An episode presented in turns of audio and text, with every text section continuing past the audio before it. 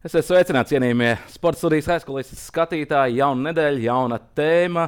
Šobrīd ārā ir ziema, sniedziņš atkal jauns ir uzsniedzis, bet eh, Latvijas labākie futbola klubi jau gatavojās sezonām. Latvijas virslīgas sezona sāksies kā ierasts eh, martā, nu, kamēr vēl var noķert Latvijas labākos futbolistus, kas spēlē tepat virslīgā. Mēs arī to darām. Un es pie sevis uz sarunas aicināju Latvijas Nacionālās izlases futbolistu, uzbrukošo pussargu Jāni Ikaunieku, kurš arī ir parakstījis jaunu līgumu ar RFS, atgriezies no Somijas. Jā. Tieši tā. Nu, pirmais Labvakar, jautājums, Jāni, arī būs tāds, kāpēc tu atgriezies uh, Latvijā? Un kāpēc tieši uz RFS komandu? Jo tur Somijā tomēr bija divas ļoti labas sezonas. Mm, pirmā sezona bija diezgan traumatiska īstenībā, un es tur diezgan daudz izlaidu. Bet nu, to, ko es spēlēju arī pirmajā sezonā, jā, bija labas spēles. Statistika bija laba tajās minūtēs, ko es spēlēju. Un otrā sezonā jā, bija diezgan veiksmīga, varētu tā teikt. Arī kā klubam mums bija divas diezgan veiksmīgas sezonas. Tikām Eiropausās līdz playoff raundam divus gadus pēc kārtas. Uzspēlēja no... Berlīnā. Berlīnā uzspēlējām, Youngbojos uzspēlējām Šveicē pēdējā playoff kārtā. Un, un tās bija tādas jā, liels komandas, un tās mums neizdevās pārvarēt. Lai gan Berlīnē mēs nospēlējām neizšķirt 0-0. Un tad uh, divreiz kausvinājām, un divreiz otrē palikām dēļ vārta attiecības, un dēļ viena punkta zaudējām to čempionu titulu Helsinkiem. Nu, Helsinki ir Somijā tāda laba. Nu, kā, jā, kā mēs jā, zinām, arī RFS jau aizvadītajā sezonā Champions League pirmajā kvalifikācijas kārtā tikās pret Helsinki. Kā, kā to komandu arī mēs esam iepazinuši. Nu, tu tur labi gāja Somijā. Nu. Principā jā, viss apmierināja dzīvošanu, kom komanda, kā strādāja un treniņu process arī. Un, bet man bija līgums divām sezonām, viņš arī beidzās. Komanda gribēja pagarināt līgumu. Bet arī tīri finansiālā ziņā bija tā, ka RFS izteica nedaudz labāku līgumu. Man liekas, es tur divus gadus esmu bijis labi, divreiz pietrūka bišķiņa līdz čempionu titulam, bišķiņa līdz grupas turnīram. Bet, bet man nelikās, ka es tur varētu vēl kaut kā savu realizēt. Arī tas čempionāts nav daudz, daudz izteikti spēcīgāks nekā Latvijas, vai arī viņi ir ļoti vienādi manā izpratnē. RFS labi komandu grupas turnīrā spēlēja. Latvijā es domāju, viņi cīnās tikai par augstākajiem mērķiem. Ir ļoti labs treniņu bāzi uzcelt. Tiek arī viņi tālāk celta, ir nu, ieguldīta jā. Jā, liela nauda iekšā. Un, un man liekas, ka tā. Jā, tas finansiālais varbūt kaut kur bišķiņš, un arī tas, ka likās labs piedāvājums, un RFS ir arī laba komanda. Un... RFS Eiropasos debitēja grupu turnīrā aizvadītajā sezonā. Lielākā daļa Latvijas sporta līdzekļu pievērsta uzmanību. Skatījos pats spēles. Jā, jā, Vai, varbūt ne visas, bet kad bija laiks un vēlēšanās bija arī skatīties un paskatījos, kā viņiem tur sokās. Uz, Protams, tām, uz tām spēlēm, kur es biju, nu, tur tā futbola atmosfēra beidzot varēja sajust tiešām. Nu, es pat teiktu, labāk nekā izdevās, labās izlases spēlēs. Izdevās arī būt ārzemēs uz kādu spēli. Vai... Nē, uz ārzemēs nebija. À, man, man kolēģis bija Matīs uz à. ārzemju spēlēm, bet jā. Latvijā skonto stadionā kas jā. notika. Nu, tur, tur tā futbola atmosfēra bija labāka, es pat teiktu, nekā dažās labās izlases spēlēs. Protams, man liekas, arī izlasē tas faktors, ka mēs spēlējam Daugos stadionā, un tur tas vispār nav futbola tāds stadions, jo tas skrejceļš tik liels un tās trījums ir tik tālu, un tur nav tas konekšņs, man liekas tas emocionālais ar skatītājiem, ar spēlētājiem, un viņi nejūt to spēli, man liekas, gaisot un to harizmu, es nezinu, kā pateikt. Un arī, kad mums bija spēle pret, pret uh, Moldovu pēdējā izlasē mājās, tur arī bija skonto stadions principā pilns un varēja just, man liekas, kaut ko līdzīgu noteikti kā eh, RFS, kad spēlēja Eiropasos. Pats jūti? Mm, Jurija Žigājeva, Kristiāna Kareļina eh, nopelnas varbūt mazliet eh, šajā fanu kustībā, ka ir parādījušies daudz vairāk eh, līdzjutēji, varbūt tajās viņu dzeltenajās krāsās vairāk, bet ir arī vairāk, kas nāk arī Latvijas. Viennozīmīgi, es domāju, to arī izjūt daudz izlases spēlētāji, kas esmu runājis. Un... Protams, protams, ka futbols tādā ziņā arī attīstās, skatītāju ziņā, un viņi, viņi ir to veicinājuši. Jāsaka viņiem liels paldies par to. Es domāju, un es domāju, futbola sabiedrība to novērtē ka tu izlēmi mainīt klubu, iet prom no Somijas. RFS jau nebija vienīgā komanda, kas tev pietoja, eh, piedāvāja noteikti līgumu. Es esmu dzirdējis, ka Rīga FC tev piedāvāja pat vairāk. Jā, jā, ja salīdzinām, tad jā, bija arī piedāvājums no Rīgas, bet RFS jau es biju spēlējis arī pirms es devos uz Somiju. Un, un tā atšķirība tur nebija nekāda lielā, un tāpēc arī izvēle krita par labu RFS.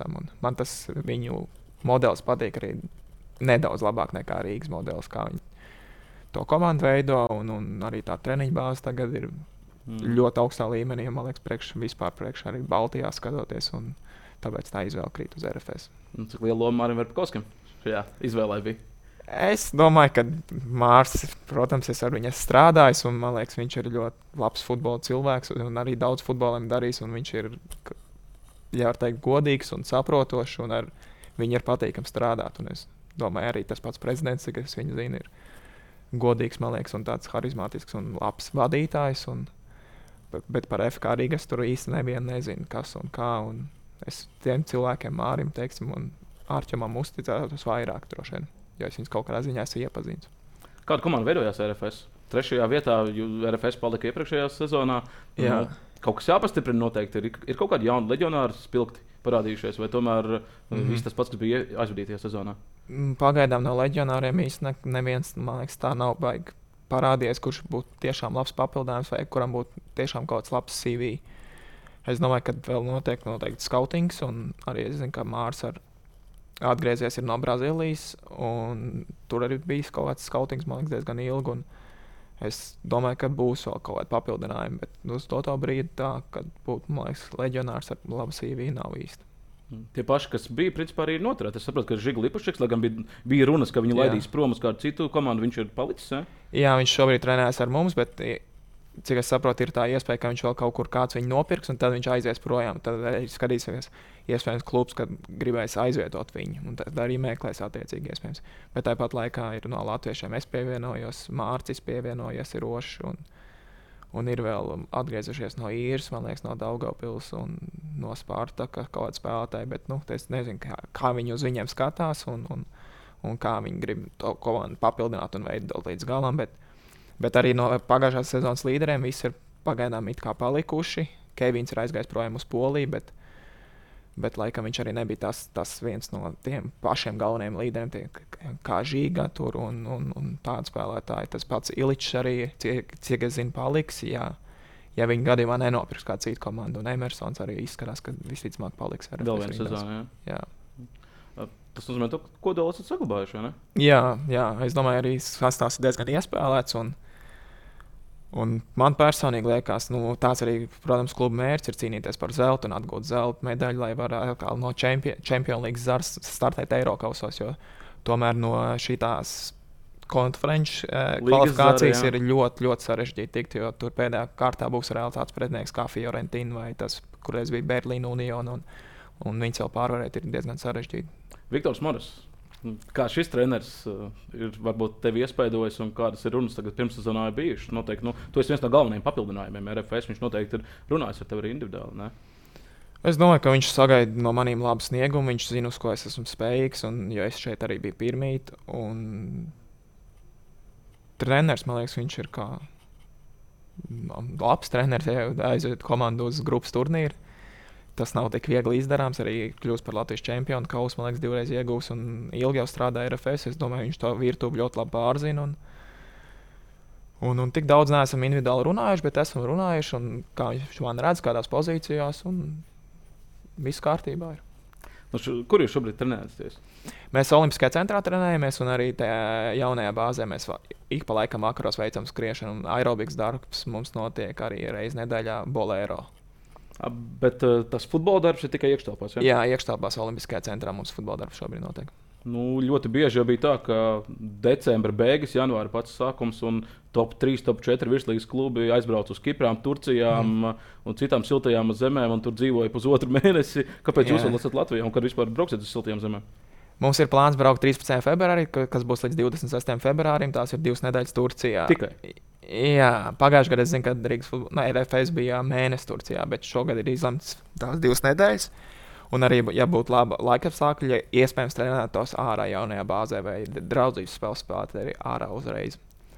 Bet tā, jā, divas nedēļas. Es zinu, ka Rīga ir jau Dubajā, un tur ilgi būs Dubajā, un Audi ir Kiprā. Arī, man liekas, ilgi būs, kā teicu, mēnesis iespējams ilgāk, Rīga noteikti ilgāk, kādas sešas nedēļas pavadīs nometnēs. Bet es nezinu, es arī Somijā mēs vispār nebraucām uz nometni. Mums bija iekšā tā manēža, kur mēs trenējāmies, uzņēmām formu un nebija tās braukšanas. Es nezinu, kā būtu labāk, vai... bet nu, tā nometnē, es domāju, ir vajadzīga. Un tās draudzības spēles dažādākas, internacionālākas, tad tās nometnēs notiek. Un tur ir reāli divas nedēļas kaut vai tas treniņu darbs, visu laiku strādā tikai un spēlē. Un, un, Tas sanāk, ka treniņu darbs uh, varbūt tik ļoti neatšķirās. Vai tas ir siltajā zemē, vai tas ir tepat Olimpiskajā sporta centrā, cik varbūt tieši tas pārbaudas spēles, kur tādā Turcijā esot, tur arī daudz mm. citi, tie paši Ukrāņu klubi ir, jā, vēl daži klubi, kuriem arī ir. Valsts rudens čempionāts gatavojas viņa sezonai, tad tu vari tās spēles dabūt. Jā, jā, jā, tur ir tās komandas, tur ir nu, tā izvēle lielākām draudzības arī. Somijā bija tāda problēma, ka mēs spēlējām principā ar Somiem. Un, un tas arī bija tās draudzības spēles. Nebija tāda tā pieredze vai pieredzes apmaiņa ar citām komandām. Tas bija viņa pietrūka. Jo cik ir palikušas, ir valstis, kur ir eh, pavasaris, rudens čempionāts? Nav daudz, nav daudz. Jau tagad arī Poļi, zina, Čehi, kur man brālis ir. Viņi sāks čempionātu tagad 29. janvārī. Viņiem tā ziemas pauze ir ilgāka nekā Vācija, Itālija. Tur, bet nu, arī viņi tagad janvāra beigās pašā jau atsāks sezonu. Nu, tie parasti bija krievu klubi vai ukrāņu klubi, kur bija nometnēs tās draudzības spēles, kur reāli spēlēja augstā līmenī un varēja iegūt to pieredzi. Kā tev pašam labāk patīk Latvijas tas variants, ka mēs pavasarī sākam, rudenī beidzam, vai tas Eiropas uh, variants, kad uh, rudenī sāk un nākamā gada maijā mm. pabeidz čempionātu? Es domāju, tas Eiropas variants, viņiem tā sezona iet reāli futbola sezona 9, 10, 10 mēneši, pat man liekas, sanāk. Pirmā sezona viņiem ir 4 nedēļas, un ja tu desmit mēnešus jau spēlē, pieņemsim, 15 gadus no vietas, vai arī tu 15 gadus no vietas reāli to sezonu spēlē 6 mēnešus, kā ir Latvijā, pieņemsim. Es domāju, tu zaudi ilgtermiņā ļoti daudz. Un tas, jā, tas ir ļoti liels zaudējums manā izpratnē, kā futbolistiem vispār, bet nu, dēļ laika apstākļiem un vispārējo. Man liekas, tas būtu grūti izdarāms un samainīt tā, lai mēs šeit futbolā arī spēlētu desmit mēnešus. Nu, Igauni jau ir publicējuši savu kalendāru gaidāmajai sezonai. Mēs Latvijas virslīgi vēl puksējam, vēl arī par tādu mm. licencēšanu nav īsti skaidrība. Šķiet, ka šobrīd Jā. karstais kartupēlis ir Jurmāls Spartaks, vai spēlēs vai nespēlēs Jā. Eh, virslīgā, jo Jālgava ir apstiprinājusi, ka viņi gatavojas eh, virslīgai. Daudz ir runāts par to kalendāru, ka mēs tur tajā martā sākam skolu stadionos, mm -hmm. sniega kupenes vēl ir tur lauk, laukuma malā. Mm -hmm. nu, mhm. Kā tu varbūt uz to skaties? Varbūt mēs varētu sākt mazliet vēlāk, aprīļa otrajā pusē, un tad varbūt vairāk spēļu mm -hmm. nu, tajā vasaras periodā, kad jau ir silts, ka mēs jau varam spēlēt labajos stadionos. Nu, pirms... Vai tomēr šādi ir labi? Man liekas, ka ņemot vērā, ka marta beigās arī izlasē ir divas spēles, un daudz izlases spēlētāju spēlē tieši Latvijā. Kad pirms izlases, tagad man liekas, sanāks kalendārā divas spēles aizvedīt čempionātā. Man liekas, tas ir diezgan ok. Vienīgi, ja būtu tie mākslīgā laukuma arī. Jā, RFS varēs savus mājas spēles jau martā spēlēt uz mākslīgā, kas ir jaunajā bāzē. Es domāju, tie ir diezgan ok laika apstākļi. Tā ir vieta, kur to var nu, parādīt čempionāta televīzijā. Tas nav nekas traģisks, tur ir trījus, būs cilvēkiem iespēja atnākt. Tas nav, kā teica, arī skolas stadions. Un arī pie čempionāta, kur ir desmit komandas, tās ir 36 spēles. Ja mēs sāktu ap aprīlī un būtu vēl Eiropas un Kausa, tad būtu neiespējami diezgan izspēlēt tajos piecos mēnešos. Tāpēc es domāju, tas optimāli ir sākt marta sākumā. Un tad kaut kā to čempionātu izplatīt. Jo arī pagājušajā gadā bija 36 spēles, un RFS reāli tās spēles arī dēļ grupas turnīra sanāca ļoti daudz. Arī īpaši, ja to izlasē spēlē. Nu, jā, spēļu sanāk daudz, bet nu, tas jau ir jūsu darbs. jā, bet, nu, jā, bet ja, ja tas būtu desmit mēnešos, tas būtu bijis savādāk. Nu, jā. man jau spēlēt patīk, man tā nav problēma arī. Bet, bet Nu, šķiet, ka pretinieki šādam te, nu, diezgan ilgam čempionātam, ka mēs uh, agri sākam sniegā un sniegā pabeidzam ļoti bieži. Jā. Novembrī lielākie pretinieki ir nu, otrā ešalona Latvijas tie klubi, kuri nespēlē Eiropasos. Piemēram, pirms divām sezonām, kad izkrita no A, izkrita Vēnspils, tur bija tā, ka man šķiet, tā bija meta, kurai bija viena spēle trijās nedēļās. Jo mm -hmm. vienkārši bija mhm. ļoti plāns tas kalendārs uh, uztaisīts, Jā. lai top 4 klubi Jā. varētu labāk nospēlēt Eiropasos. Bet tie mazie klubi atkal zaudē. Nu, viena spēle trijās nedēļās tas ir maz. Nē, tas ir ļoti maz. Un ņemot vērā, ka tās spēles vispār tiem klubiem nav daudz, un tajā brīdī man liekas, arī bija 8 komandas virsīgā. Tas nozīmē 24 spēles. 24 spēles jā. ne 28, bet nu, un tā tas ir maz. Un, nu, tā nevar profesionāls futbolists liekas, spēlēt. Viņam jābūt tajā spēļu ritmā. Tīpaši sezonas laikā tu nevari trīs nedēļās vienu spēli spēlēt čempionātā. Tas ir ļoti maz. Mm. Tas nav vispār liekas, pareizi, lai tu varētu optimāli progresēt. Un arī jaunie meķi audzēkņi, viņiem ļoti, ļoti daudz jaunu spēlētājiem. Man liekas, tas ir liels zaudējums. Bet tagad, kad ir 36 spēles, es domāju, tāda situācija nevajadzētu tā, nu, tādai rasties. Un es ceru, ka tāda nebūs vairāk. RFS komandai bija virs 50 spēlēm aizvadītajā sezonā, ieskatot visu Eiropas, Latvijas kausa izcīņu. Ko nozīmē tāda slodze? Ja tu esi gatavojies sezonai, kur ir paredzēts 36 spēles, bet aizspēlēties tik tālu, ka beigās mm. ir krietni virs 50, tas jau ir Manchester City eh, līmenis. Manchester City šķiet bija 52 spēles sezonā pagājušajā. Jā, sezonā, ja, pareizi atceros. Jā, vēl plus izlas, izlašniekiem vēl izlases spēles ir. Tur ir tas punkts, ir, ka Manchester City, man liekas, tas termiņš ir ilgāks. Viņi to sezonu ilgākā laikā izspēlē. Bet arī jāskatās tas, ka tu spēlē Latvijas čempionātā vai Anglijas Premjerlīgā, kur tas spēles tēmas ir daudz lielāks, fiziski daudz vairāk spēks prasa. Un, teikšu godīgi, tādai komandai kā RFS, man liekas, tie, tie reāli tie lielie dueļi ir no top 5 komandām. Pēc tam pret pašu meitu supernovu tās nav komandas, kur tev ir vajadzētu, es nezinu, iziet Anglijas Premjerlīgā spēlēt un atdot tur visu, un pēc tam tu nevarētu, nezinu, 3-4 dienas atjaunoties. Tāpēc es domāju, tas ir iespējams izdarīt, bet no otras puses arī pirmā reize bija grupas turnīrs RFS, un ļoti daudz emociju tur aizgāja, pārlidojumu, viss jauns.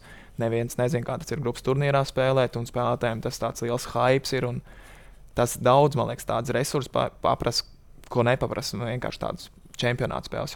Tas tiešām liela ažiotāža, pilns stadions, uz Itāliju viņa aiz, aizceļot. Tur patērē visādas emocijas, un pēc tam atbrauc atpakaļ pret to pašu meitu spēlē. Tas ir tāds process, kur man liekas, ne tās spēļu skaita dēļ, bet tieši arī dēļ tā, ka tas prāts nebija tam īsti gatavs. Varbūt. Mm. Tas daudz tos spēkus paņēma. Un es domāju, tiem spēlētājiem nebija viegli. Ļoti daudz jutās, cik es saprotu, arī klubā runā tagad izsmelt tieši arī emocionāli un vienkārši fiziski izsmelt. Un un tāpēc tas ir sezonas beigas bija tik grūts. Jā, protams, un es domāju, tas ir saprotams un tas tikai normāli kaut kādā ziņā ir. Nu, tu esi viens no nedaudzajiem Latvijas futbolistiem, kas ir spēlējis top 5 čempionātos Eiropā, Francijas augstākā līga, Mets eh, sastāvā. Kāds tev bija hype par sevi, ka par tevi sāk runāt, ka interesējās lielie klubi? Uh, Toreiz tev bija cik 19 gadi, pareizi atceros? Man palika 19, bet man liekas, bija 18 brīdī. Jā. Nu, gada sākumā tu esi dzimis. Jā, jā pat tev sāk runāt, ka tu biji vēl 18, un tev jā. februārī, laikam, dzimšanas dienā. Jā. jā. Es nezinu, es tajā brīdī, cik es sev atceros, es spēlēju futbolu, man patīk spēlēt Lietpājā man liekas, internetā, sociālā vidē arī nebija tik aktīva. Man nebija vispār nekāda konta, un es vienkārši izbaudīju tur spēlēt. Bija pirmajā komandā, man bija diezgan svarīga loma komandā. Un, un cik daudz tur runāja, ko runāja cilvēki apkārt, es tā īstenībā nezināju. Bet, nu, jā, bija tas transfers un, un aizbraucu uz Franciju. Nu, par to transferu arī daudz uh, runas ir. Zini, zin, cik par uh, tevi saņēma Lietuvā? Bija 400, man liekas, tūkstoši uzreiz, pēc tam ar kaut kādiem vēl maksājumiem, iespējams ar bonusiem. Nu, tas bija nu, mūsdienu naudas izteiksmē, es teiktu, tas ir miljons. Jā, nu, futbolā skatoties tieši jā, jo futbola tie, tie, tie cena, kas tajā brīdī bija 400 tūkstoši, šobrīd varētu būt miljoni arī inflācija. Un, un arī tie pirkumi tagad ir divreiz, iespējams, trīsreiz dārgāk. Tie dārgākie pirkumi. Mm. Kāda bija tad un kāda tagad ir? Nu, tagad jau par spēlētājiem maksā 200 miljonus. Nu, protams, tāpēc, jā, tāpēc... tās cenas ir krietni kāpušas. Naudas jā. vērtība mazliet uh, nu, mazinājusies, tā teikt, naudas jā, vērtība. Bet un tev 19 gadīgam, es vēl teiktu, puikam, jā, no jā. Liepājas kluba aizbraucot uz Mecu, par tevi samaksā 400 tūkstošus eiro plus vēl bonusi. Uh, Nu, tev taču arī šķiet, jau, ka oh, tagad vi visa pasaule man ir uh, vaļā. Pirkšu dārgas mašīnas, nopirkšu vēl māju kaut kur Spānijas krastos. Nu, tas no, jā, noteikti tādas domas bija. Ja es tos 400 tūkstošus saņemu, tad jā, bet man jau bija mana alga un, un, un tādas lietas. Man jau tāda nav, nebija kontā un, un tādas iespējas, kā saka. Un es biju tāds, man liekas, diezgan piezemēts.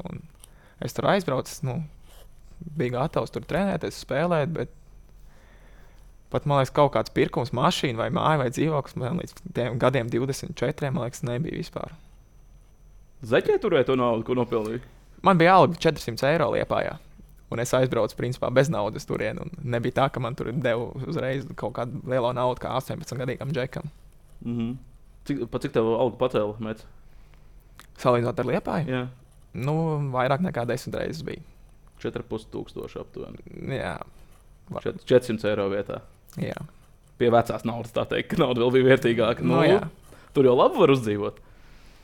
Nu, jā, bet nu, kā man jau treniņi bija, spēles bija un tas tāds futbola rutīna tāda Francijā. Un, un, un es nezinu, kā, ko nozīmē tā uzdzīvošana.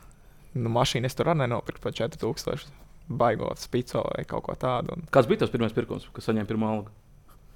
Man nebija tāda īsta pirkuma. Es vienkārši dzīvoju savu dzīvi. Es nezinu, varbūt kādu drēbes gabalu nopirku, bet, mm. bet tā baigi neko neatceros. Tādu.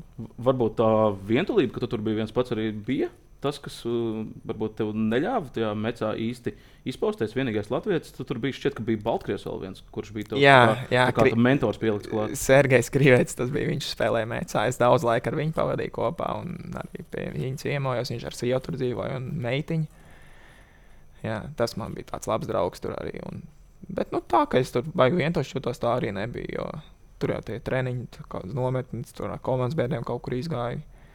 Pasēdēja tur. Man aģents bija Francis, viņš turpat arī ik pa laikam atbrauc. Un, un, man liekas, tā, to nevar norakstīt kaut kādā ziņā uz kaut kādu vientulības sajūtu. Kad, man tur līdz galam viss nu, nesanāca, kā gribētos. Varbūt. Bet nu, 19 gados, eh, kad tu tur aizbrauc, pats teici, ka sociālā tīkla vēl nebija tādā spicē kā šobrīd, kad tu visu tur Twitterī, mm. Instagramā var apskatīt pa klubu, kas, kas pa klubu, kas nav. Nu, tad taču noteikti bija daudz jautājumu. Ir. Eh, jautājumi, kur atrodas bāze, kādi Jā. ir laukumi, kādi ir treniņi. Mm Tev, un par sadzīvi tas noteikti bija kaut kādi jautājumi. Kad tev dod ēst, kur ir jāiet ēst? Jā, nu, tur, man liekas, tur futbolistiem nebija tā. Mums pat nebija tāda ēšana komandas pēc treniņiem. Tur viss tā paši par sevi. Tā kā arī dzīvoklis pašam bija jāmeklē.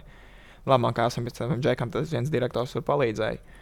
Un es diezgan ilgu laiku nodzīvoju viesnīcā, tie bija divi mēneši. Tur es, man liekas, diezgan daudz arī noēdu no komandas tā budžeta, jo es nezināju, ka nu, viņi teica, tur ēst trīs reizes dienā šeit, tad tur restorāns bija tas Michelin zvaigznes restorāns, viesnīca apakšā un tā ļoti laba viesnīca.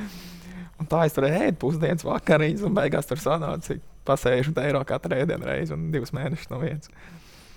Bet, bet tā jau tā tur bija blakām, un arī kur es to franču valodu sākumā mācījos, arī blakām treniņu laukumam. Un, Stadions arī bija blakām, un Mēķis nav liela pilsēta. Tad es tur ātri sāku orientēties un izstaigāt tos, to, to pilsētu, vai izbraukāt un saprast, man nebija grūti. Un es tur iepazinos arī ar vienu Latviju, kurš atnāca uz treniņu, viņam bija 44 gadi. Viņš man daudz ko palīdzēja, bija kaut kādi jautājumi, viņam tur bija pazīstami, tur ārsti kaut kā, tur vēl kaut kas īk pa laikam ciemos aizbraucis. Un tā viņš tā kā arī tā, tā kā, nu, tur bija šķiet, ka viņa laika pavadīja. Tajā brīdī tev aģents bija? Jā, Francūzs. Viņš arī man tā kā to transferu, cik es sapratu, nokārtoja līdz galam. Un, un, un tad es arī viņu parakstīju līgumu uz diviem gadiem. Viņš pats mm. no Parīzes. Kā viņš eh, tev palīdzēja? Jo tu jau droši vien biji viens no daudziem viņa klientiem. Jā, es domāju, ka jā, viņam bija vairāk spēlētāju, bet daudz spēlēja tajā pašā Francijā, un augstākajā līgā, otrajā līgā, arī trešajā līgā viņam bija spēlētāji. Bet viņam arī bija palīgs tāds, un tad es ar to palīgu daudz, diezgan daudz runāju, un viņš man tur rakstīja kaut ko ik pa laikam. Es baigo palīdzību viņam nejautāju, bet, nu, protams, Vācijā mēs kontaktējām. Ja kaut kādas nesaprašanās, vai kaut ko es gribēju padalīties, vai viņš kaut ko ieteica, tad mums bija tā sarunas apmaiņa vai vārdiskā apmaiņa. Daudz jau saka, ka nu, ļoti bieži sportists paraksta līgumu ar lielu aģentūru, ar mm. labu aģentu, bet nu, tu esi viens no simts spēlētājiem. Mm -hmm. ka, nu, tas uh, ļoti bieži sanāks tas augtais ieberdziens, jo vienkārši to nepievērš tik lielu uzmanību. Kā zin, bija? Zin, kā tas man liekas, ir, ja tu esi labs un viņi redz, ka tu kaut ko viņiem dos, tu saņemsi to uzmanību. Ja tu esi viens no tiem un viņi īstenībā nesaskat kaut ko, tad tu arī attiecīgi viņi nu, pievērsīs tev uzmanību. Futbols tomēr ir liels bizness, ir, un tāpēc tā uzmanība arī tas pats no mēdījiem vai no visiem ir liekas, tieši uz tiem, kur izceļas. Un, bet man tādā ziņā aģents, e, man bija problēmas, es gribēju viņu parunāt, ko nekad neatteicu. Bet man arī nebija tā, ka es kaut ko no viņa jautāju. Es vienkārši spēlēju, dzīvoju, un, un, un ko viņš man teorētiski var palīdzēt ikdienas dzīvē īstenībā, nu, neko. Mm -hmm. Liepā jau tā bija komandas zvaigzne, City vārtus, visus tevi spēlēja, kā pastāstījis, liela loma komandā bija Mecā. Tu biji viens no spēlētājiem. Ja man Liepā bija liela loma komandā, tad Mecā tur vispār nebija lomas, ka es aizbraucu. Viņa sākumā domāja, vai es būšu pie, kā, pie pirmās komandas un spēlēšu pie otrās, vai uzreiz pie pirmās komandas. Bet tur bija uzreiz tāda treniņa nometne maz, jo viņam tas čempionāts decembra beigās beidzās tās spēles oficiāli pirms Ziemassvētkiem, un tad viņi atsāka, man liekas, janvārī kaut kādā 16. Tad, nu, ja tur bija divu nedēļu pārtraukums. Jā, jā, tā bija no 2. līdz 14. man liekas, tāda pirmsezona Francijas dienvidos. Un tur arī galvenais treneris, es atceros, reiz pateica, ka viņš ir gatavs pirmajai komandai, un mēs viņu skatīsimies un par viņu spēles laiku domāsim šeit. Jo Man aģents teica, to atstāstīt to, cik es atceros. Jā, tas treneris teica, ne, ka nekāda dublēra, nekas tāds. Viņš ir gatavs, uzreiz gatavs preces apmēram tā un, un, un rīkosimies. Un tad es arī tās spēles tur dabūju. Tajā pirmajā pusgadā kaut kādas un tās minūtes arī savāc. Un, bija uzreiz tā, jā, kad, Kāds bija pirmais treniņš? Nu, Meca ir slavena Francijā ar to, ka viņiem eh, ir pašiem sava akadēmija Āfrikā, Senegālā. Senegālā. Senegālā. Jā. Tu ļoti daudz senegāliešu, tiešām, jā. kuri augstu iekarot Eiropu, kuriem futbols nu, ir Aha. viss, viņiem ir klapes uz acīm, viņi redz tikai to. Mm -hmm. nu, pirmajā treniņā bija tā, ka atnāca un tev ielika kārtīgi pa kājām. Nē, nē, bet nu, tur bija asa un, un tur spēlētāji cīnījās un tas spēles tēmas. Un, Un tā dinamika ir lielāka, un tie ātrumi bija ātrāk. Uzreiz to varēja just. Es jau pēc atvaļinājuma tur ierados, un, un tur nebija tā saudzīgi. Bet pirmais treniņš, man liekas, arī bija dienvidos. Un, protams, es tur aizbraucu ar motivāciju. Man 19 gadu līdz nezinu, 300%. Es tur pēc katra treniņa nosvītu bez spēka un, un gribu visu laiku sev pierādīt. Bet, bet man liekas, man gāja tīri ok. Un, treneris arī diezgan daudz man slavēja. Visu laiku tur tā kā, ir labi, ir labi, ir labi. Es tur ar to bumbu, es māku labi spēlēt tehniski un, un saspēlēties ar partneriem, arī man sanāk. Un, un man liekas, futbolistiem jau patīk, ka tas spēlētājs saprotās, var iedot ērtu, pārliecīgu piespēli, un to jau jūt treniņos arī. Šie, ir tavi konkurenti, afrikāņu pārsvarā senegalieši, kas no tās akadēmijas nāca. Viņi gadījumā nespēlēja tādu vairāk primitīvu futbolu, vienkārši uz spēku. Mm. Nu, tur tu varbūt nevarēja arī tāpēc, varbūt līdz galam iedzīvoties mecā. Viņi, viņi spēlēja no nu, asi un tā. Viņi ātri, viņi atletiski. Ir. Tur ir daudz malēju pusi, ar kur vienkārši skrien ļoti ātri. Un es nezinu, man liekas, ja tu esi labs spēlētājs un tu sev mācīsies parādīt tajā futbola laukumā un savas kvalitātes arī tajā līmenī, ja tu būsi reāli gatavs tam. Man liekas, to nevar no, nu, nu, novelt uz kaut ko. Es domāju, tur Messi tagad arī ielika Francijā. Un tas pats futbols ir, bet kā viņš tur spēlē, viņš labi spēlē, protams, jo viņš ir Messi. Mm -hmm. Un ne jau viņš ir atletisks vai kaut kas, viņš vienkārši futbolu ļoti labi spēlē. Mm -hmm. Nu, pēc tam uh, tev tur bija trauma, un vairs netika metis sastāvā, tad, beidzot, tad sākās tas nebeidzamās īres. No viena kluba uz otru klubu tas, tas bija aģenta darbs, vai pats prasījies, uh, saprast, ka mecā nekā nebūs. Tas bija, kad atnāca arī cits treneris, un tas bija pēc pusotra gada, kad mēs tikām atpakaļ augstākajā līgā. Es tur pirmo pusgadu neaizgāju īrē, un tā bija, man liekas, kļūda. Tur vajadzēja. Kad, iet īrē, jā, kad es sapratu, ka nebūs, tad vajadzēja meklēt komandu, jo bija reāli piedāvājumi. Es atceros, uz Ameriku pat bija piedāvājums braukt, uz Skotiju, Un Nīderlandē pat bija iespēja braukt. Es atceros, nu, tāda reāla forša piedāvājuma. Nevis Francijas augstākā līnija, bet nu, kaut kas bija zemāks. Un te pusgadu vienkārši nosarēju, un te es uz Grieķiju aizbraucu. Bet īrais bija tikai Grieķijā, un pēc tam, pēc tam atpakaļ Francijā, un tad Lietpā bija atpakaļ. Mm. Lietpā tas pirmais gads bija uz īres tiesībām, laikam, jā? Jā, pirmais pusgads, jā, bet, bet tur pēc tam bija tā, ka, ja Lietpā saņems kaut kādu naudu, tad mēs saņems no attiecīgi kaut kāds 30-40% no transfera. Bet, bet pēc pusgadā uzreiz palika Lietpā, jā, pilntiesīgi. Mm. Kad tu saprati, ka tajā mecā mm, diemžēl nekas nesanāks? Tā jau viena momenta grūti pateikt. Ir vienmēr jau būs kaut kāda cerība, kad varbūt sanāks, vai arī nu, jā, tā cerība jau iekšā kaut kur sēdēs. Varbūt tagad futbolā arī re, reāli tā ir vienā momentā ar tevi nerēķinās. Neskatās uz tevi, tur kaut kas notiek, kaut kas samainās, varbūt kāds satraumējas, tev tur viena vārda, kaut kāda veiksmīgāka spēle uzreiz uz tevi, nu, savādāk skatās, tev dod iespējas un var ātri mainīties. Bet nu, tā, kad jau pilnībā sapratu, es domāju, tad, kad nu, tas treneris reāli pateica, ka mēs viņu nereiķinamies vairāk. Tas bija moments, kad es domāju, ka nu, šeit laikam nekas nesanāks. Un tev 27 gadi šobrīd, eh, es jau uzkrāju pieredzi ar to pieredzes bagāžu, ko tu esi izgājis cauri. Tu vēlreiz brauktu uz tādu klubu kā mēs? Ja, ja man šobrīd bija piedāvāt uz mēģinājumu braukt, Jā. tagad. Bet tev, bet tev būtu 19 gadi. Bet ar šo pašu ķermeni, yeah. futbola stilu un vispārējo yeah. uzreiz braukt. Protams, ka braukt. Ja tagad man dot iespēju uz Francijas līniju viens braukt, protams, ka braukt. Viennozīmīgi, tā kā tā gribēšana nomazinājusies. Ja? Es domāju, ka tajā brīdī man bija, kad es parakstīju līgumu, nu, jā, labi, braukšu uz Franciju, skatīšos, kā tur būs. Bet, bet tas bija viss nezināmais. A tagad, ja man būtu tāda iespēja jau braukt ar domu, ka, jā, es zinu, kā tur būs, es tur darīšu savu darbu, tur es to, man liekas, daudz, daudz vairāk izbaudītu un būt daudz, daudz vairāk tam gatavs. Nu, tik, tikko Raimons Krolis, tavs kolēģis Latvijas valstsvienībā, ar 900 tūkstošu divreiz dārgāku transferu aizgājusi uz Spēciju, uz Itālijas ASV arī, top 5 čempionātu. Jā. Ar ko Raimondam ir jārēķinās uh, Spēcijā? No Spēcija ir ļoti līdzīga komanda. Es pat teiktu, ka Meits arī daudz leģionāri, mm. arī pat tabulas apakšgalu, apakšgalu maļās, kuri varētu varbūt arī pat izkrist. Mm. Nu, diezgan daudz tādas līdzības. Es uh, savalku ar to tavu transferu uz Meits un tagad uz Spēciju mm. Raimondam Krolim. Viņš ir bijis viņa vecāks, man liekas. Nu, 21 gads viņam šobrīd. Jā, viņš arī, man liekas, virslīgā ir spēlējis tās trīs sezonas. Nu, jā, jā, jā. Metā viņš jau debitēja agrā vecumā, un tagad Valmierā. Jā. Tas pats izlasē viņam pār 20 spēlēm. Ir 7 un 3 vārdu gūti. Jā, redz, kā. Viņiem ir tā pieredze lielāka, es uzskatu. Es nezinu, kāds paralēls. Man liekas, katrs cilvēks ir diezgan dažāds. Tur vajadzētu par, parunāt ar pašu Raimondu, kā viņš uz to skatās, kā viņš jūtas, ko viņš no sevis gaida, vai kāds viņam tas expectations ir. Bet man liekas, var vilkt tās paralēlas, bet tāpat laikā ir liekas, divas dažādas situācijas un, un divi dažādi cilvēki, divi dažādi futbolisti ar divām dažādām, ne divām, bet ļoti daudz dažādām kvalitātēm uz laukuma un, un vispār. Un eh, tāpat laikā, kā klubs uz tevīm skatās, kā viņi paņēma.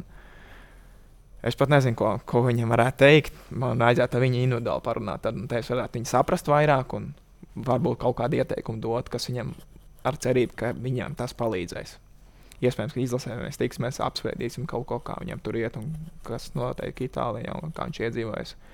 Bet es domāju, viņam arī tagad ir atvaļinājums beidzies, jo viņam jau čempionāts kādu laiku atpakaļ beidzās, bet tāpat laikā Itālijā tur, man liekas, viņš džeki ir gatavs spēlēt. Un, un es nezinu, kā tas klubs uz viņu skatās, jo arī viņi cīnās par izdzīvošanu, cik es saprotu, tā būs sēždaļā. Tad, tad spēlētāji, kurš ir bez tādas pieredzes, bez lielas pieredzes tādā futbolā, tādā līmenī, Vai viņi uzreiz tur mēģinās un iespēlēs arī, tas ir liels jautājums. Es domāju, varbūt viņam būs bijis jāpagaida, bet viņam tur būs viss jauns. Es domāju, viņš var tikai izbaudīt tos apstākļus, to treniņu procesu. Es domāju, pret viņu tur attieksme un palīdzība būs arī, ja viņam tas būs nepieciešams. Un, un viņam būs, būs emocijas, būs prieks, man liekas, tur būt, ja viņam patīk reāli futbols spēlēt, jo tur būs viss tev priekš futbola, un tu vienkārši spēlē, trenējies. Un, uh, un pilnveido sevi. Bet es domāju, viņam vajadzēs daudz sev pilnveidot, pierast pie ātrumiem, pie, pie meistarības, kāda tur ir. Man liekas, Itāļi ir tāda emocionāla, viņi ir savādāk kultūra nekā latvieši. Bet es domāju, ka viņam vajag priecāties par to iespēju ļoti un, un novērtēt, un tur nav ko zaudēt. Kādas ir Remonta Kroļa labās īpašības? Izlasē spēlējot, Jā. nu, arī viņš uzbrucējs, to pussargs vairāk mm. meklē, rada tos momentus. Mm -hmm. Kas ir tās labās lietas Remontam? Viņš man liekas, ir diezgan inteliģents un gudrs uz laukuma. Viņš pārredz spēli, tā, viņš arī iedod labas piespēles, priekš uzbrucēju ļoti labs. Viņš ir vairāk nevis tāds izteikts devītnieks, bet tāds playmakers arī vairāk. Viņš var nosēsties, saņemt bumbas un izveidot to momentu citiem spēlētājiem. Pārredz laukumu, man liekas, viņam ir tāda stabilitāte kaut kādā ziņā. Varbūt viņam nav nekas tāds ļoti filigrāns kaut kādā ziņā arī, bet, bet viņš man atgādina tādu. Tā varbūt Levandovskis, varbūt ne tik liels fiziski vai tā, bet tāds, tāds ar futbola inteliģenci. Vai mm. tas Millers no Münchenes Bayern? Kaut kas, kaut kas tāds. Bet... Nu, es, es saredzu jums tādu vienu kopīgu īpašību, kad jūs arī Latvijas izlasē kopā spēlējat. Tad uh, Jānis Kalniņš un Raimons Krols vienmēr būs tie futbolisti, kuriem ies kaulā pretiniekiem, jebkurā situācijā. Jā, bet... Baltijas kausā arī novembrī, kas bija spēles, nu, Jānis tur iznīcināja visus pretiniekus. Nu, es domāju, arī Raimons viņš ķermeni savā jau parasti nesaudzē. Un, ja viņš ir laukumā, tad viņš tur nedomās, vai kaut kas sāpēs, vai viņš kaut ko tur sasitīs. Viņam ir tāds cīnītāja gars, tāds latviešu varētu teikt, es nezinu. Bet, nu, tādā ziņā ne, pret viņu nav pretenzijas nekādas, ka viņš tur saudzētu vai negribētu kādreiz. Viņš izskatās vienmēr tāds ambiciozs un, un, un gatavs cīņai. Kad tu saprati, ka nevar spēlēt tikai uz savu tehniku un savu talantu, ka tomēr ir jāiet arī pretiniekam kaulā. Jo nu, sākumā par tevi vairāk runāja par tādu baltrocīti, kurš tomēr mm -hmm. smuki spēlē ar bumbu, labi meklē iespējas, bet kontaktā nu, nevienmēr ies. Es, es domāju, ka tā, tāds bija sar, nu, runas, tāpēc, ka re, redzēju to manējās kvalitātes ar bumbu. Bet... Jā, arī tagad paskatījos pat no manas pirmās sezonas spēles. Man bija arī, man liekas, kādas septiņas dzeltenas kartiņas, un tas jau vien liecina, ka tu diezgan rūpīgi spēlē un ar izklopieniem un vispārējo. Man arī bija metāla laikā, man liekas, divas sarkanās kartiņas. Es domāju, tas tāds vibes tagad ir radies no kaut kādām sarunām, bet nu, reāli to spēli pastāvēties un arī pajautāt tiem spēlētājiem, ar kuriem es trenējos tajā vecumā, tajā FK liepais pirmajā sezonā. Es domāju, ka viņi neteiks, ka es tur audzēju sev vai tur bez zilumiem spēlēju, jo man vienmēr kājas ir bijušas asists. Un, un es domāju, tas tāds nepareizs priekšstats ir. Mm, vienkārši kā, kāds ir uzbūvēts to visu. Jā? jā, jā, es domāju, vairāk tā. Es uh, atceros, ka es biju pie jums uh, Lietpā. Jūs divas ar brāli uh, filmējāt. Tad jūs savā, jā, jā, savā starpā jūs runājāt par uh, pirmssezonas gatavošanos. Tas arī bija šis laiks, kāds janvārs. Ja jā, tad es gan spēlēju FK Lietpā un gatavojos sezonai pie FK Lietpā. Jā, jā, un uh, toreiz jūs tur savā starpā runājāt. Jums kaut kāda speciāla sezonas gatavošanās. Mm, Fiskultūra pa pašiem bija. Jūs to plānu kaut kā paši esat izveidojuši? Man liekas, ka viņam bija tā, ka viņam sūtīja programmas no Čehijas. Viņš Čehijā spēlēja, un es vienkārši to pašu darīju, kas viņam bija. Jo viņš kā, viņam bija tas mazais atvaļinājums, un viņam tās skriešanas dēļ, un mēs ar viņu kopā darījām. Mm. Un tas bija vienkārši tas čehu kluba plāns. Jā, jā, tas tā arī ir. Arī poļiem es zinu, tagad Kristers Tober vairāk runāja, viņš polijā spēlē. Un, uh, Viņam arī tagad tas pārtraukums, un viņiem sūta, viņiem arī iedod līdzi tos pulsmetrus, un, lai viņiem var pārbaudīt, cik ir noskrējis, kādā pulsā noskrējis un tās distances, un vai ir izpildīts tas darbs. Cik lielu darbu tu ieguldi šajos ziemas mēnešos? Jo nu, pēdējās sezonas tev ir bijis tas pavasaris, rudens, čempionāts, ka tev ziema ir brīva. Jā. Nu, es pat man patīk braukt, kad ir tie garās pauzes uz atvaļinājumiem. Šogad bija tāpat Amerikā, Maltā bija. Bet Arī, kad es kaut kur izbraucu, vienmēr man patīk no rīta iziet krosiņu, paskriet, tur kaut ko treniņu zālē padarīt. Un justies vienkārši labi. Ne tur, tur nereāli tur skriet kaut ko vai, vai, vai tur, nezinu, trenēties futbolu.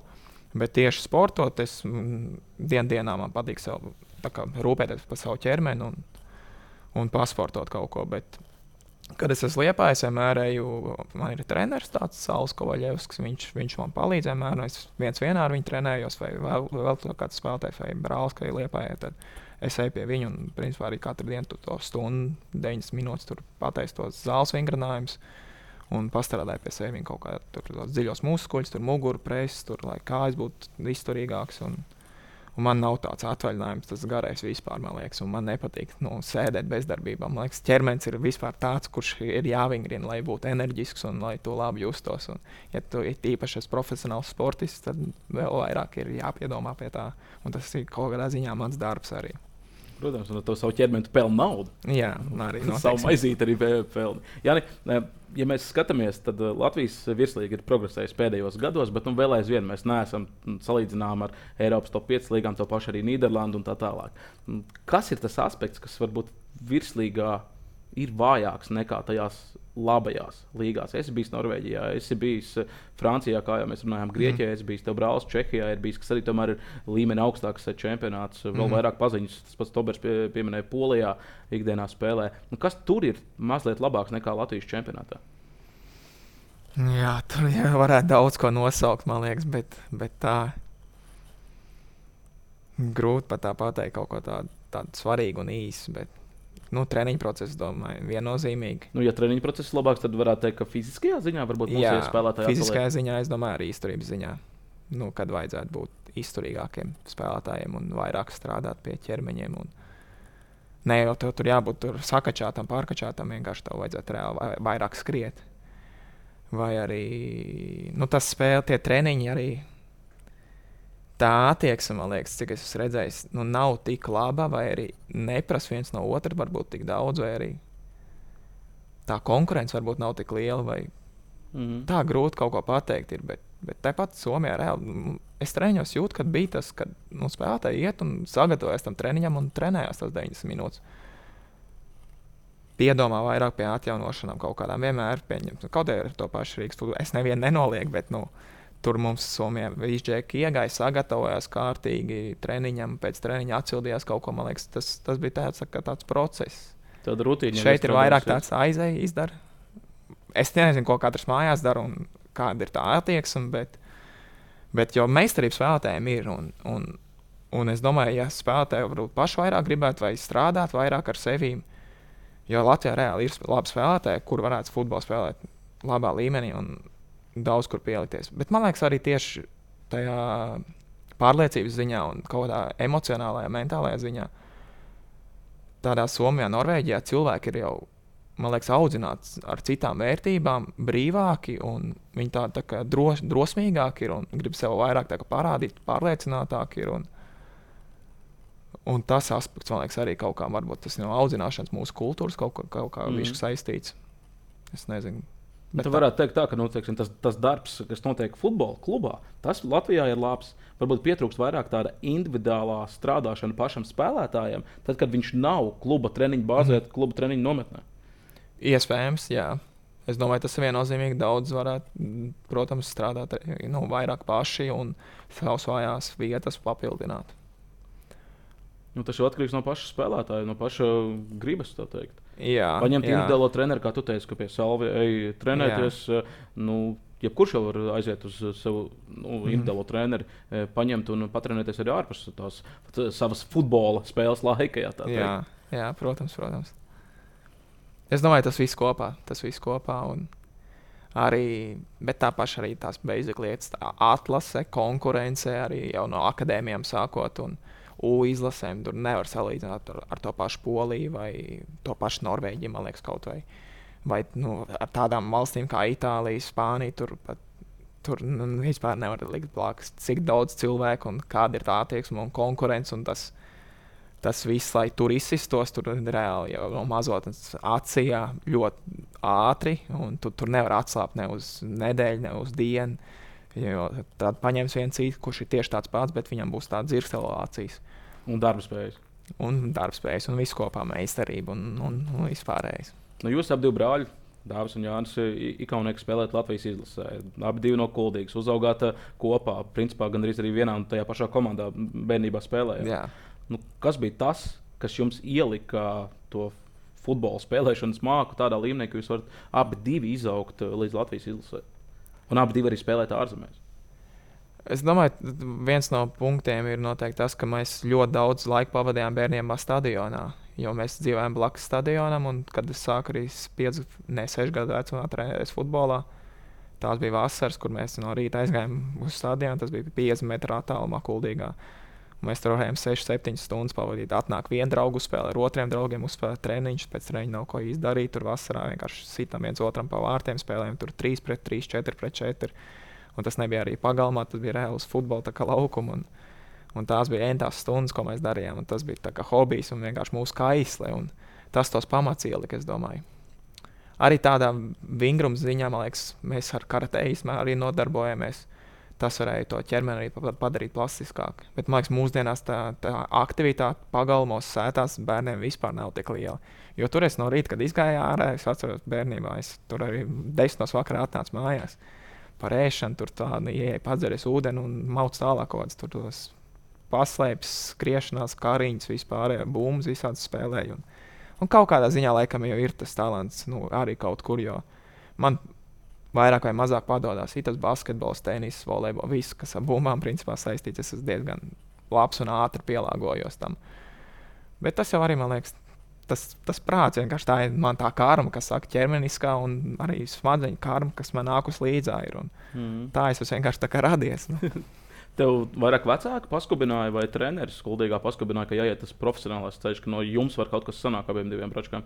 Tā, prof, tieši profesionāls, ja man bija profesionāls līgums 16 gados tikai, bet tas sākums bija, kad mēs sētā spēlējām pagalmā bumbu, un treneris gāja no treniņa kuldīgāk video trījumā augšā. Viņš gāja, viņš arī blakus mums dzīvoja kaimiņos.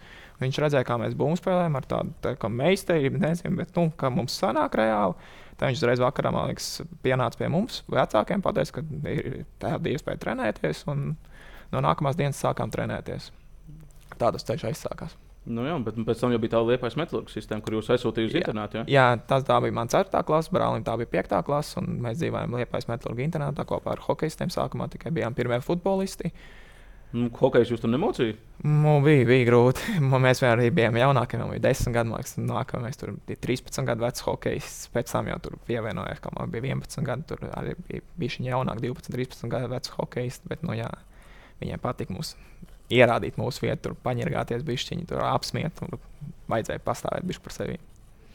Jā, bija jāpastāv tādā, tādā vecumā. Jā, tur, jau, tur jau, man liekas, tas egoisms tādiem bērniem un tā apliecināšanās ir lielākā līmenī nekā, ka jau kaut kāds briedums iestājies un, un, un tev vairs negribas nezinu, parādīt savas spējas vai kaut ko. Jā, bet daudz, daudz jau nobīstās. Tādā situācijā, ka tu atnāk un apceļ tur tie lielākie Jā. puiši, ja tādā internetā, kur tev arī nu, tu nevari aizskriet pie māmas un tēta pasūdzēties. Jā. Nē, nu, nē, nē. Un daudz pasakā, nē, es vairs negribu. Kas, kas noturēja jūs tomēr, ka tomēr paliekam te un uh, mēģinām dot pretī, kā saka, tev hokeistiem? Nu, mums bija tā, ka arī mēs tur nodzīvojām divus ap pusi vai trīs gadus, un tad vecāki pārcēlās uz Liepā īstenībā. Bet nu, nebija viegli. Jā, es atceros, ka pa laikam, ka jau tur kārtīgi tev tur iedeva iekšā, vai tur apcēla. Tad nu, bija reizes, kad tur pateica, varbūt pēc tam nedēļas nogalē, man tur nav tik viegli vecākiem kuldīgiem. Mēs braucām viņi pa laikam nedēļas nogalēs mājās un tā. Bet, Tā doma, ka man tur vajadzētu tagad braukt uz Kuldīgu un ķipa, dēļ viņiem tā, ka, nu, nedzīvot Lietpā, prom. Man futbols patika, un Lietpā tā skola bija. Tajā prātā kaut kur bija, kad laikam jau tajā vecumā, ka es gribu futbolu spēlēt. Un, un, un, un tas nebija variants braukt atpakaļ un dzīvot tur Kuldīgā un, un trenēties tur tālāk, jo tur tās iespējas bija ļoti daudz mazākas. Tā metodika skola bija laba, tie turnīri bija. Mēs izbraukājām, man liekas, pusi Eiropā, arī 13, 14 gadu vecumā un izspēlējām visās turnīros. Tur Itālija, Polija, tur visās valstīs pēc kārtas braucām. Principā. Bija tā iespēja un bija varianti, un arī labi sanāca. Tev, tev varbūt dzīvē ir bijis tajos nezinu, 12, 11, 10, 9 gados, vienalga bērnībā. Mm -hmm. Tad tāds moments, kas tev nu, tā pa īstam lika noticēt tam, ka jā, es gribu būt uh, futbolists. Nezinu, satiku jā. kādu Latvijas izlases futbolistu, nofotografējies kopā, dabūju viņa krēslu vai, vai, vai nezinu, jā. redzēju kādu ārzemju labu zvaigzni teiksim, tā, no citām mm. izlasēm. Es atceros, ka es skatījos um, Eiropas čempionāts Latvijā, kad spēlēja ar ļoti lielām emocijām. Skatījāmies ģimenes lokā, arī bijām laukos.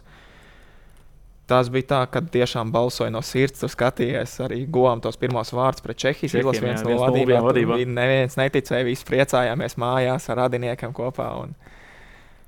Bet tā, kad, kas man palika noticēt, es nezinu. Es vienmēr esmu bijis savā vecuma grupā.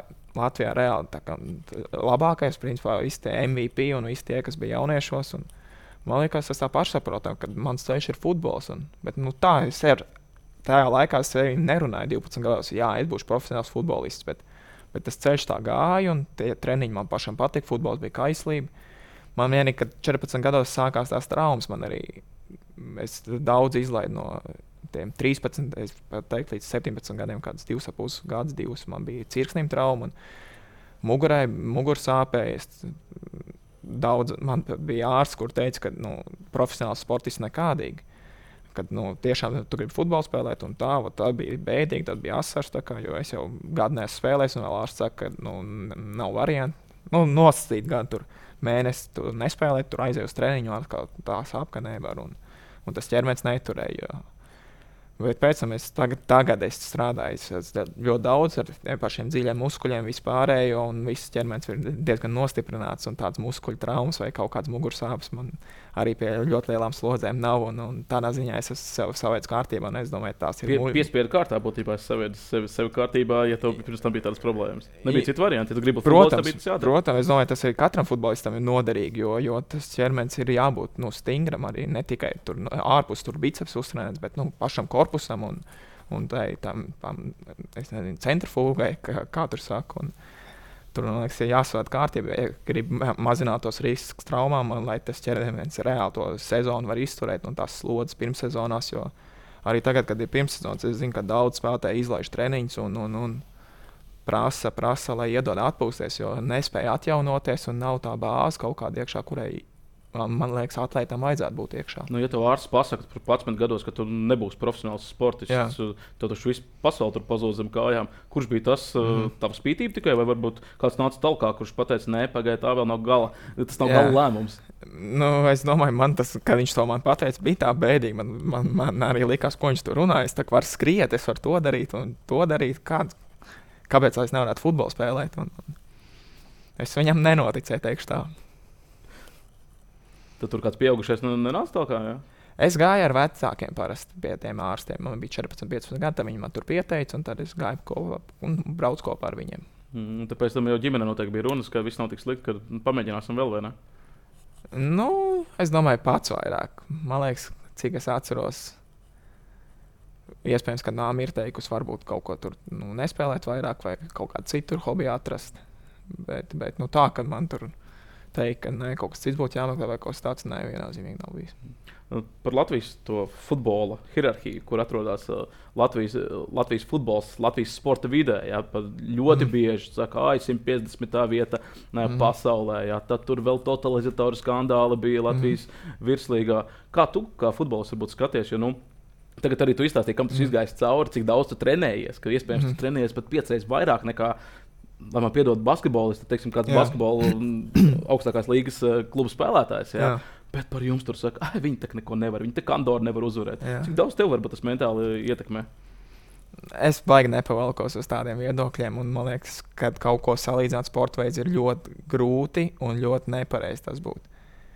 Bet, ja runājot par, par treniņiem un vispār, mums otrdien bija tests, jātaisa Kaizentāts savienības firma. To rīko, es runāju ar tiem testu veicējiem. Un viņi teica, ka akadēmijās, kur viņi taisa tests, basketbols, hokejs, futbolists arī šobrīd, viņš, viņš teica, ka viennozīmīgi futbolisti ir visspēcīgākie un izturīgākie pēc testiem. Tieši arī jauniešos un, un tā tālāk. Man tas likās arī interesanti. Man liekas, ka iespējams tā nu, nav. Bet viņš to apliecināja ar testiem, ar rezultātiem, un pats to teica. Viņi arī viņus pārbaudīja sporta. Es domāju, viņam var ticēt. Mm -hmm. Bet nu, tur arī tā specifika ir. Tur tādā basketbolā ir vairāk rāvienu, jums tomēr ir izturībā jānāk jā. klāt 90 minūtes. Mums ir tie sprinti, jābūt ātrākiem. Es nezinu, kā viņš to, kāpēc viņš to pateica un kā viņš to pateica, bet tie bija viņa vārdi. Jā. Bet ja salīdzināt, man liekas, to pasaules reitingu, tas liekas, ir ļoti smieklīgi. Jo tu nevari salīdzināt futbolu pasaulē un basketbolu vai hokeju. Tas ir liekas, ļoti nepareizi. Kaut vai TV, man liekas, jūs televīzijā strādājat, jūs zināt, pasaules čempionāts hokeja skaitlis televīzijā un futbolā. Kāda ir atšķirība? Nu, kopējā skaitā, jā, tur ir iespējams. Nu, tur ir, man liekas, simts reizes atšķirība. Pasaules kausa vai pasaules čempionāts hokeja, kurš katru gadu notiek. Un tāpēc man liekas, ir muļķīgi salīdzināt tādas sporta veidus, kur ir. Tas ir fakts, ka pasaulē futbols ir karalis un viņš ir reāli karalis tāds, ka viņš ir izteikti daudz, daudz prestižāks naudas ziņā, skatītāju auditorijas ziņā. Varbūt jā, nu, tā, ka mēs nemākam priecāties par saviem.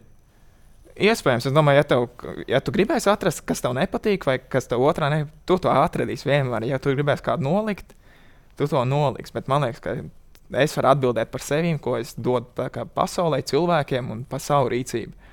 Es tur nevienam neteikšu, ka hokejs ir sūdīgs, jo mēs tur esam tādā vietā, vai futbols ir slikts, jo mēs esam slikti. Nu, ko tas man mainīs, es pateikšu, ka tas ir slikti, vai ko tas kādam mainīs? Mm. Mēs varam izdomāt, kā kaut ko progresēt futbolā, vai hokeja, vai basketbolā, vai tādā sportā. Bet, bet tas vienkāršās runas, tas ir tāds, tas ir tāds. Tas jau.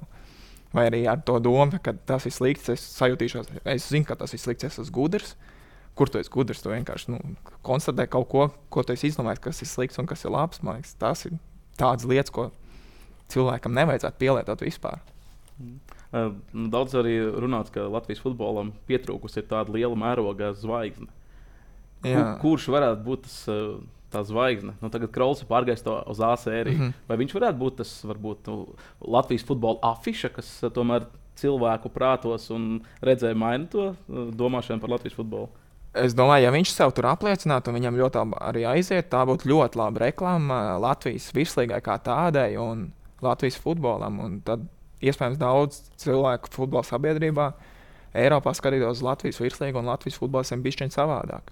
Jo tur nevajag daudz, tur vajag kaut ko, un tie cilvēki uzreiz maina tie futbolos viedokļus un tās asociācijas. Arī tagad RFS tika e, grupas turnīrā ar Itāļiem nospēlēja 1-1. Itālijā ar filmu. Tas kaut kas liels bija notikums, un, un tagad arī man bija tā, e, ziemas pārējais periods, un ar aģentiem kaut kādiem runāja to, to. Visiem ir tāds nu, labs vibes un tāds pozitīvs atsauksme par Rīgas futbola skolu tieši Eiropas futbolā. Jā, Latvijā tur tas futbols ir pacēlies, arī tajā pašā Skandināvijā, kur es bijis kaut kāds kontakts, tur cilvēks sāk runāt, jā, jums tur tas, jums tur tas. Pirms tam es aizbraucu uz tādu Norvēģijas, viņu, es Latvijas izlases spēlēju, viņiem pilnībā bija vienalga, viņi, kāda Latvijas par to futbols nav. To neskatās. Es domāju, tā, tāda Anglijā tāda arī ir Vēl projām uz to pašu Latviju nu, neskatās cilvēki uz to pašu Somijas čempionātu, lai gan viņiem Premjerlīgā spēlē, spēlē spēlētājs. Ja viņi skatīsies priekš čempionšību spēlētājs, viņi neņems no Somijas līnijas. Man liekas, tas to ceļu, lai izsīs nevar, nu, ar vienu superzvaigzni, kaut kas mainīsies, soli pa solim, viss kopā mainīsies. Un to var mainīt Bet tas ir garš un grūts ceļš, un tur daudz kam ir jāsakrīt. Bet, nu, ja būtu tie divi, trīs mums top 5 čempionātos, kur regulāri tur spēlē, tad tā bilde mainītos. Tas skatu ir ļoti labi arī tajos eh, Eiropas un pasaules kausa kvalifikācijas eh, turnīros, ka mēs spēlējam arī pret lielām izlasēm, kur to reklāmu varam iegūt daudz eh, lielāku. Nu, tagad Jā. drīz martā sāksies jauns Jā. cikls. Nu, cik ļoti tev varbūt ir žēl, ka Garets Bēls nebūs. Ka viņš beidzis futbolista karjeru. Vēls izlasa mūsu grupā. Jā. Nu, protams, ja būtu tā spēle pret Vēlsu un tur būtu Bēls, es domāju, būtu patīkamāk spēlēt. Bet, nu, nav ko žēloties. Es domāju, un jābrauc un jāspēlē ar viņiem. Nu, cik, ļoti, cik ļoti gribētu tādam bēlam iedot kārtīgi iekšā, iet kaulā. Nu, es domāju, ka viņš ir, viņš ir atlēts, atletisks un nu, kalngalā. Zin, un tur būtu grūti viņu iedot iekšā tieši no ķermeņa. Bet nu, apspēlēt viņu, es domāju, varētu nu, būt patīkami. Nu, kāda tās, kādas tas spēles varētu būt mums tajā kvalifikācijas uh, ciklā? Es, es domāju, ka spēles būs grūtas, un tie pretinieki ir sarežģīti. Un visiem pretiniekiem tajos top 5 čempionātos ir spēlētāji, kurus spēlē regulāri no zvana līdz zvanam. Un, un, un, un mums tādu spēlētāju nav. Un, ja skatās uz to līmeni, ir diezgan liela atšķirība. Un jādara labākais, ko, ko mēs varam. Un, un es domāju, ka rezultātu kaut kādā arī uz tablo varam sasniegt. Mums ir ērtāk spēlēt uh, pret tādu Velsu, pret Horvātiju, mm -hmm. kad nu, viņi atbrauc, viņi ir favorīti, mēs nebūsim mm -hmm. daudz ar bumbu. Vai tomēr ir patīkamāk spēlēt pret tādām no Andoras, Gibraltāra izlasēm, kur mēs diktējam tos noteikumus laukumā? Kāda ir, šis, kāds ir šis Latvijas izlases modelis? Kazakevičs laikam piemin vertikālo futbolu. Mm -hmm. Tas vertikālais futbols šķiet, ka vairāk ir radīts pret spēcīgām izlasēm spēlēt. Mm -hmm. Man kā spēlētājam, es spēlēju pret Andoru vai Vēlsu. Es teikšu, tā es izēju ar tādu pašu attieksmi izlases spēlē. Spēki. Nu, bet uzdevumi jau tev ir cita laukumā. Jā, vienā spēlē es spēlēju vairāk kā bumbas, veidoju uzbrukums. Tas man patīk vairāk, bet otrā ir vairāk jāaizsargājas. Bet arī pretuzbrukumos ir bieži vien lielākas zonas, un tās var izmantot un ātrās pārējas. Es, es pat nezinu, kā īsti pateikt to. Nu, vienkārši jāiet un jācīnās. Jā. Tu, Jānis, bija pie mums ciemos arī pasaules kausā uz studiju. Nekad neslēpts, Lionels Messi ir Jā. tavs favorīts, mīļākais Jā. spēlētājs, varbūt arī daļai iedvesmotājs. Jā. Jā, tavam spēles stilam Argentīna uzvarēja pasaules kausu. Es tev teicu, ka viņi uzvarēs, ka es tur biju. Tā arī tā ir. Viss gāja uz to, lai viņi uzvaru, un, un, un viņiem vajadzēja uzvarēt. Pelnīt viņi uzvarēja pēc tā snieguma, ko viņi rādīja. Protams, ja jau uzvarēja, kāpēc lai vēl nepelnītu. Nu, fināls bija fantastisks. Skaties, es biju lidmašīnā, lidojot uz Ameriku īstenībā gaisā. Bet tur bija tāda iespēja, ka nostājos principā visu spēli, bet pendelēs pazuda internets visiem lidmašīnā. Un tur arī lidmašīnā daudz skatījās uz planšetēm, un tur bija jau kā 20 cilvēki ejot uz to toču. Skaties, tur futbols, tur, tur, tur vienam tur konekšņs nav savienojams, viens tur ārdās, kā nav savienojams. Tur bija kaut kāda argentīnieša, kur rītīgi fanoja ar karogiem un, un skatījās arī un pārdzīvoja. Bija tāds interesants lidojums. Es domāju, ka viņi uzvarēja pelnīt, un, un es biju ļoti priecīgs, ka mēs jau uzvarējām. Ko tur, teiksim, skatoties uz pasaules kausu, tur redzēja kaut kādas nianses, kā tas uh, futbols ir mainījies. Tur pēc tam bija tādas dažādas statistikas, ja, mm. ka tā bumbas kontrole vairs nav tik ļoti svarīga, ka ir mm. daudz mazāk sitienu pa vārtiem. Ja, uh, un, nu, tu kaut ko redzēji tādu, ko mēs varam Latvijas futbola izlasē ieviest. Bet tomēr tas ir nu, pavisam cits līmenis. Vēl. Es domāju, tas ir cits līmenis, un arī Latvijas izlase. Nu, es neticu, ka spēlēs tagad pret Horvātijas izlasi, un viņi diktēs noteikumus. Bet, kā teica, arī spēlējot pret Andoru, Andoru pret mums iziet, viņa reāli mauks, mauks, mauks. Horvātija iziet pret Brazīliju vai pret mums. Es tomēr domāju, viņi atbraucot uz Rīgā nebūs ar to pašu noskaņojumu, kā izējot pasaules čempionu, viņi tik līdz sārdaļfinālam vai pusfinālam izējot pasaules čempionāta pusfinālā Horvātijā vai Rīgā pret Latvijas izlasi. Un mēs varam to izmantot kaut kādā ziņā. Es tam gribu ticēt, un ar mūsu labāko sniegumu mēs varam tos punktus dabūt pret viņiem. Lai gan viņiem reāli ir labākie pussargi, man liekas, pasaulē un vispārējais. Bet ar kādu domu un ar kādu nu, tādu mentālo sagatavotību jūs iziesiet laukumā 18. novembrī, kad tieši pret Horvātiem būs jāspēlē? 18. novembrī tas bija. Jā, tieši 18. novembrī. Tas jau vēl ļoti tālu priekšā. Nu, Pagaidiet, bet 18. novembris. Nu, zaudēt jūs tur nevarēsiet tajā spēlē. nu, cerams, cerams, cerams, ka nepievilsim latviešu, kas saka. Nu, tāda tik nozīmīgā datumā, kad uh, ir spēle, tas mm -hmm. traucē mazliet tas spiediens, vai, vai palīdz labāk noskaņoties? Kā es pirmie jau arī liekas, studijā teicu, ka to spiedienu mēs paši sev radām. Un, un man liekas, ka sportistam vajadzētu mācīt ar to tikt galā Galu galā tas ir futbols, ko tu darīsi visu dzīvi, dien dienā. Un, un, un tas nav nezinu, kaut kas dramatisks vai nezinu, karš vai kaut kas tāds. Tas ir reāli futbols. Un tā ir tā lieta, ko tu reāli dari dienas dienā, un tai spēlē ir bijušas ļoti daudz spēles. Manā dzīvē ir bijušas daudz spēles profesionālā sportā. Un, un, ja es neesmu mācījies tikt ar to spiedienu galā, tad tā ir mana kļūda un problēma ir manā prātā. Bet spiedienu vajag. Es domāju, ka vajag attieksmi, vajag to mandrāžu, to, tā, tādu pozitīvo. Tādu No spiediens tas arī ir spiediens. Laikam. Nu, to spiedienu jau grūti vārdos izteikt. Ir, kā tu jūties? Cermenis ir gatavs. Cermenis ir gatavs cīņai, adrenalīns tev izdalās. Un, un tu esi gatavs parādīt, uz ko tu esi spējīgs. Laikam. Tas tas drives arī, kurš radās ķermenī, prātā. Es nezinu. Nu, lai Jāni, izdodas tev savienot gan ķermeni, prātu, fiziskās īpašības un visu pārējo arī turpmāk, gan šogad, gan arī uh, vēl atlikušajā futbolistu karjerā, nu, varbūt arī pārstīs Raimonda Kroļa transferu, kas zina 900 tūkstoši Raimondam, tev bija 400, varbūt vēl, vēl var pārsist. Tad man vajag pasu samainīt, vajag tos skaidrs pasai samainīt. varbūt, paldies Jāni. Latvijas futbola izlases pussargs Jānis Ikaunieks pie mums ciemos. Viņš drīz dosies uz siltajām zemēm, uz kārtīgu treniņu nometni, bet mēs ar jums tiksimies jau pēc nedēļas, kad būs jauna tēma, jauns viesis un jauns noteikti arī sporta veids. Visu labu!